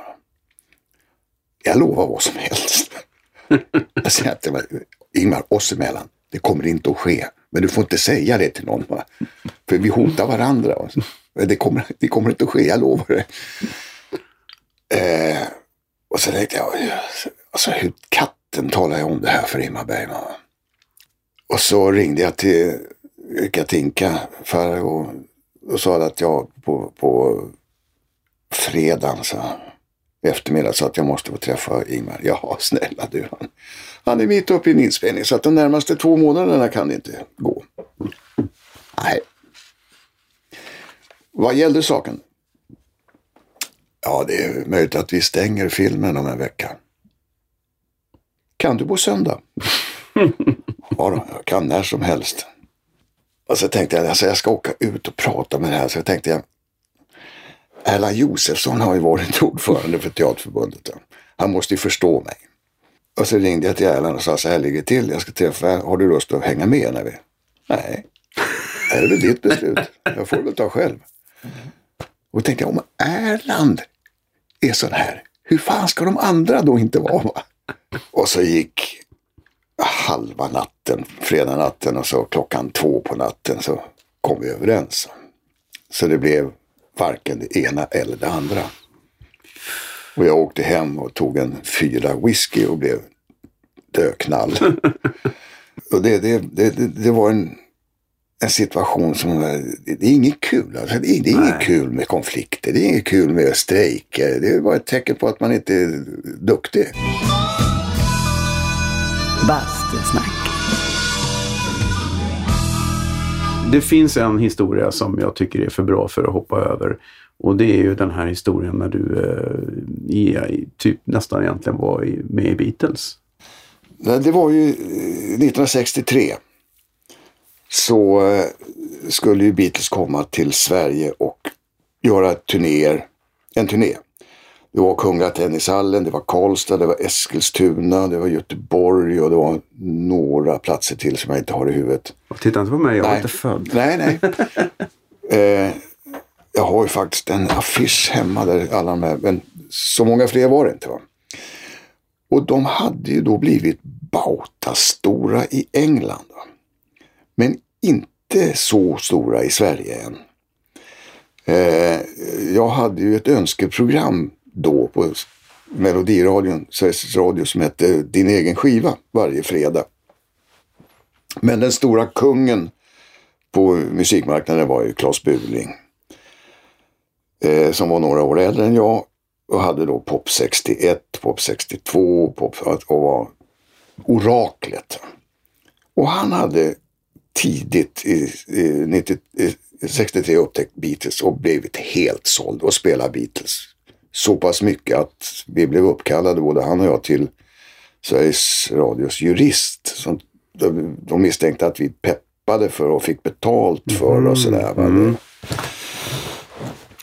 Och sen kom det då till, Göteborg, eller till, till hösten. Och producenten som var väldigt osäker på om Beatles skulle slå hade för säkerhets skull för att vara säker på att få folk hade då engagerat ett förband till Beatles som var Trio med Bumba. Mm. Ja, men det är ju, en, det är ju alltid en kioskvältare. Ja, visst. Ja. Man ska leva för varandra. Och eh, Claes Buling skulle då vara konferencier i Stockholm och Karlstad. Så ringer han till mig och säger de har tre föreställningar i Göteborg. 17 oktober när det var. En klockan tre, en sju, en nio. Kan du ta det? För jag kan inte det. Ja, det kan jag göra på att jag kan. Så att eh, då, då hade jag mitt första teaterkontrakt på Ateljéteatern i Göteborg. 450 kronor i månaden. Och gick till eh, chefen och sa att, att det här är, jag är tillfrågad att vara konferencier på Beatlesgalan på Lorensberg. Det är ju jättebra reklam för teatern. Så att när vi kan ställa in föreställningen som ändå bara har åtta personer i snitt i salongen. Nej, sa chefen. Det får du inte. Va? Och du vet, jag var ju erbjuden fyra månadslöner för det här endagsgigget med Beatlesen. Så jag tänkte, fasen ska jag göra nu då? Så då ringde jag till eh, kassörskan på teatern och frågade vad kostar det abonnera en föreställning? Ja, 400 kronor. Ja, då gör jag det den 17 oktober. Men säg inte att det är jag som har gjort det. Säg bara att det är abonnerat till chefen. Och sen eh, så eh, kom jag till Lorensberg och sen ska jag då prata med pojkarna. Och sa att det är jag som är konferencier och, och jag var inte heller riktigt på det klara med hur stora de var. Va? Jag frågade, är det någonting eh, som ni vill att jag ska säga eller sådär? Att, eh, och de tittar lite konfunderade, vad är det här för gök? Vet du inte vem vi är? Kan du inte vår historia? Nej, men okej okay då. Jag var ju bara 18 år så att de mm. tänkte att äh, får väl hjälpa killen på traven då.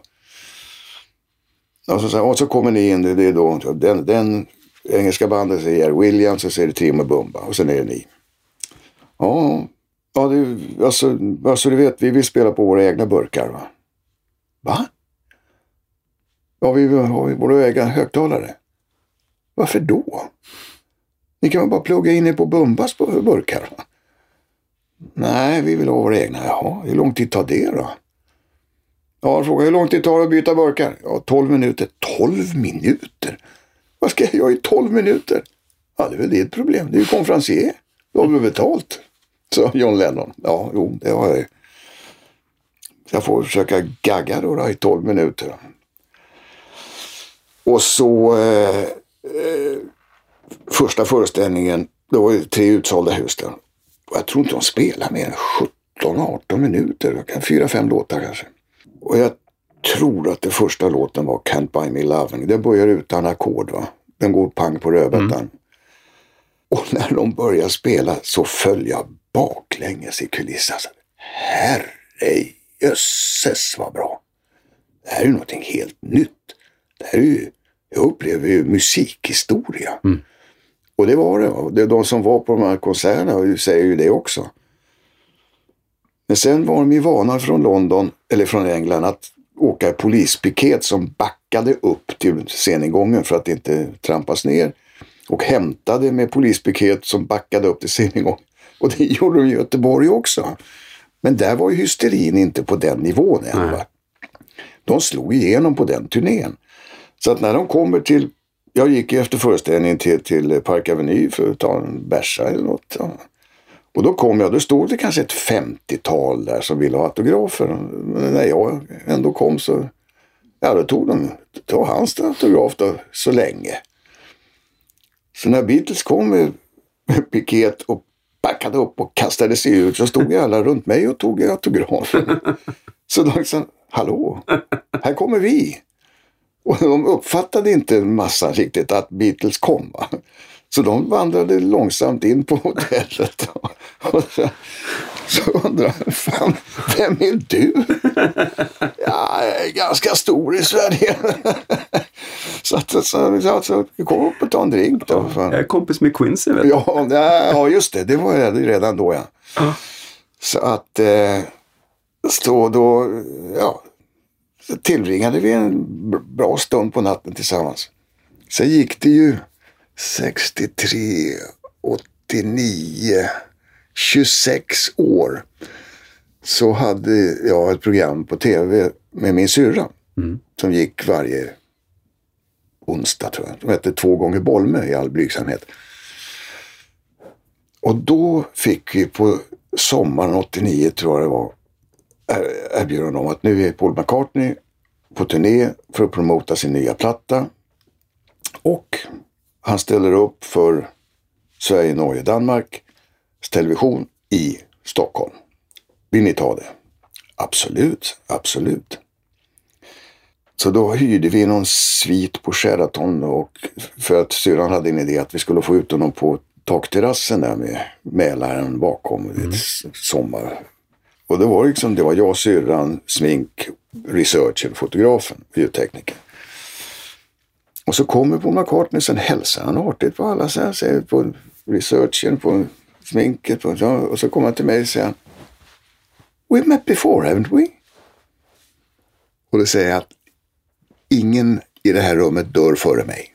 Det är de enda vittnena som finns till detta. Och det är klart, det var väldigt gulligt, men eh, nat naturligtvis kände han inte igen mig från när jag var 18, 26 år senare. Jag tror inte morsan hade känt igen mig. Om, utan han hade förmodligen frågat vilka är det som vi intervjuar här. Och, har sagt att för svenskarna är det ett syskonpar. Och han, brorsan där var faktiskt konferencier på er gala i Göteborg 63, f- förmodar jag. Och det var ju bjussigt att göra det på det sättet. Att det blev en så bra intervju tror jag. Han åkte ju runt, vi såg alla som han hade gjort i Holland, i Japan. Och det var ju, antingen är det liksom Kobra, va? eller också är det hejsan hoppsan för 19-åringar eller 17-åringar. Va? Med plommonstop så jo, det är dig. Mm. var han rätt trött på. Medan syrran var så att vi, kan vi inte prata om hans barn? Mm. Så hon frågade, hur är det? Du har ju tre barn va? Ja. Hur är det då? Och han blev jätte på hugget och började berätta. Då berättade han om Stella. va? Och det sa jag, alltså jag berättade, han, hon, hon, hon frågade om hon fick prya på Yves Saint Laurent. Och det fick hon. Ja, sa hon efternamnet? Ja, hon gjorde nog det. men, men den med musikaliska, nej, nej, det är ingenting. Min son, han är 12 år, han har green fingers. Han är nere i vårat växthus dagarna i ända och håller på och gick igång på att berätta om sina barn. Så det var urkul Kul. faktiskt. Ja. Men det är bra att ha en sån vinkel. ja, När man, plötsligt fick han vara normalt. Mm. Han fick vara 50 år eller vad han nu var. Men vi fick inte ut honom på terrassen. Nähä. Nej, hans eh, manager sa absolut inte. Det blåser. Mm. Och förmodligen har han tupé. Men jag vet inte, men det var i alla fall håret som var orsaken till att vi inte fick ut honom i blåsten på terrassen. Mm. Du har aldrig haft tupé? Nej, det har jag inte. Eh, annat än på scen och jag vantrivs i det så förvaskat. Jag tycker inte om att... Ja, det är klart.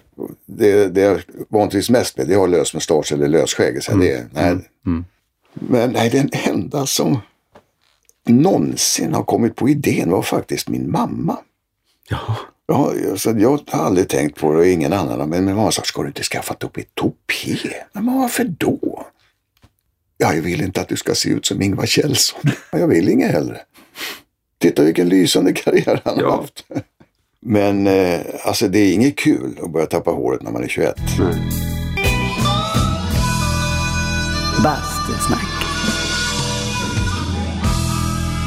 Hörru Thomas, Ja. jag tror att vi har täckt in eh, det mesta. Jag hade en massa visst jag tänkte vi skulle prata om som vi inte pratade om. Men jag tror vi täckte in det mesta. Jag har ju då, trots att isen är tjock, så har jag lyckats med ett spett slå hål i en vak här som Mm. jag har. Så nu ska vi i plurret. Men du Jag ju... älskar det. Ja, bra. Jag har också faktiskt en bastu som inte är så här tätt, men fem meter. Mm. Och det är, det är jag glad för. Jag tycker om att rulla med snö, men ännu roligare att hoppa Mm. i vak. Topp ser du. Vad skönt. Då, då är det någon som vet hur man gör för en gångs skull. Ja. Då kör vi. Ja. Tack snälla för att du kom hit. Fint. Bastusnack. Tack för besöket Thomas. Så här efteråt så skulle jag vilja klargöra en sak. Jag talade med Keve Hjelms son Kåre häromdagen och han hävdade att om det var någonting Keve gjorde hemma så var det diska. Så det kunde han faktiskt. Bland annat. Han hade också precis som Paul McCartneys son gröna fingrar och han spenderade mycket tid i trädgården. Så nu vet ni det. Till slut så vill jag tipsa om att surfa in hos min sponsor också, tylö.se och se deras utbud av basturum, ångduschar, bastuaggregat, bastukiltar, ja, allt som behövs i bastuväg finns på tylö.se. Beställ ett basturum nu. Du kommer inte att ångra dig. Vi hörs igen nästa vecka med en ny spännande gäst. Till dess, basta försiktigt!